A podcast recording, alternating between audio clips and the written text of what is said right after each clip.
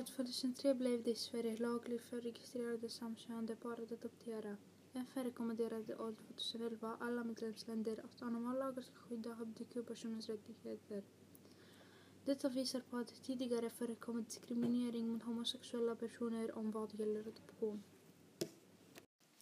LGBTQ i Sverige betraktas som några av de mest progressiva i Europa. I aktiviteten av samkönade registrerades i 1944 och åldern för samtyckta jämställdes med heterosexuella aktiviteter till 1972. Sverige blev också det första landet i världen att tillåta transpersoner att ändra sin lagliga könsoperation efter könsöverföring 1972.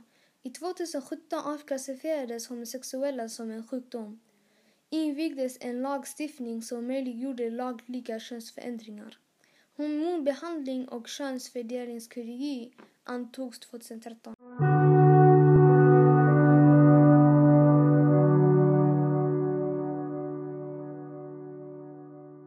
En av de största fördomarna som står i vägen för homosexuella par som vill adoptera handlar om föräldraförmågan. Många anser att homosexuella föräldrar har sämre föräldraförmåga än heterosexuella. Men det är inte sant eftersom tre stora yrkesorganisationer har gjort en undersökning om barnens hälsa i homosexuella familjer och resultatet visar att deras hälsa inte skiljer sig från barn i heterosexuella familjer. Canadian Psychological Association var en av de professionella organisationerna. Men tror du inte att samhällets normer kan påverka barnet på något sätt? Om du är homosexuell, till exempel, och du är i ett förhållande med det samma könet.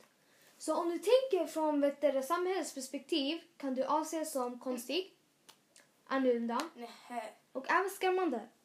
Om du nu adopterar ett barn kommer barnet ta reda på att dens vårdnadshavare bryter mot normerna om hur en stereotypisk familj ser ut. Det kan, bli så, det kan så småningom leda till både muntlig och fysisk mobbning. Ja.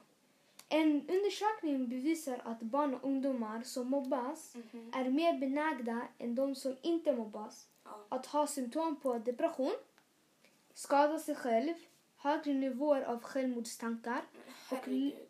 och längre ak- akademisk presentation. Homosexuella föräldrar kan inte bevisas att ha en negativ påverkan på barnets utveckling och därmed kan inte ses som lämpliga föräldrar.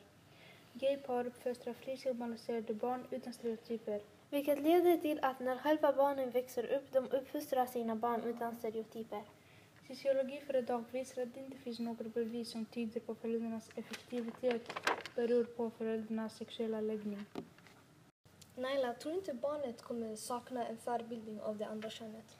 Ja, eftersom en studie av Walder och Robertson presenterar att barn som har blivit internationellt adopterade av samkönade föräldrar kan uppleva ett annorlundaskap i sin uppväxt. Detta då homosexuellt föräldraskap går emot den normaliserade bilden av att ett barn ska växa upp med en mor och en far. Vilket leder till att barnet går miste om förebilder av båda könen. Men en nyligen genomförd studie visade också att den allmänna hälsan hos barn som växte upp med par av samma kön var bättre än den allmänna befolkningen.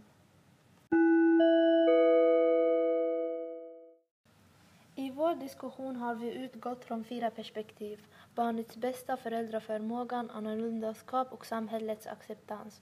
Och vi har kommit fram till att homosexuella par har kanske inte sämre föräldraförmåga än heterosexuella att se till barnets bästa, ge barnet god omsorg och kärleksfull miljö.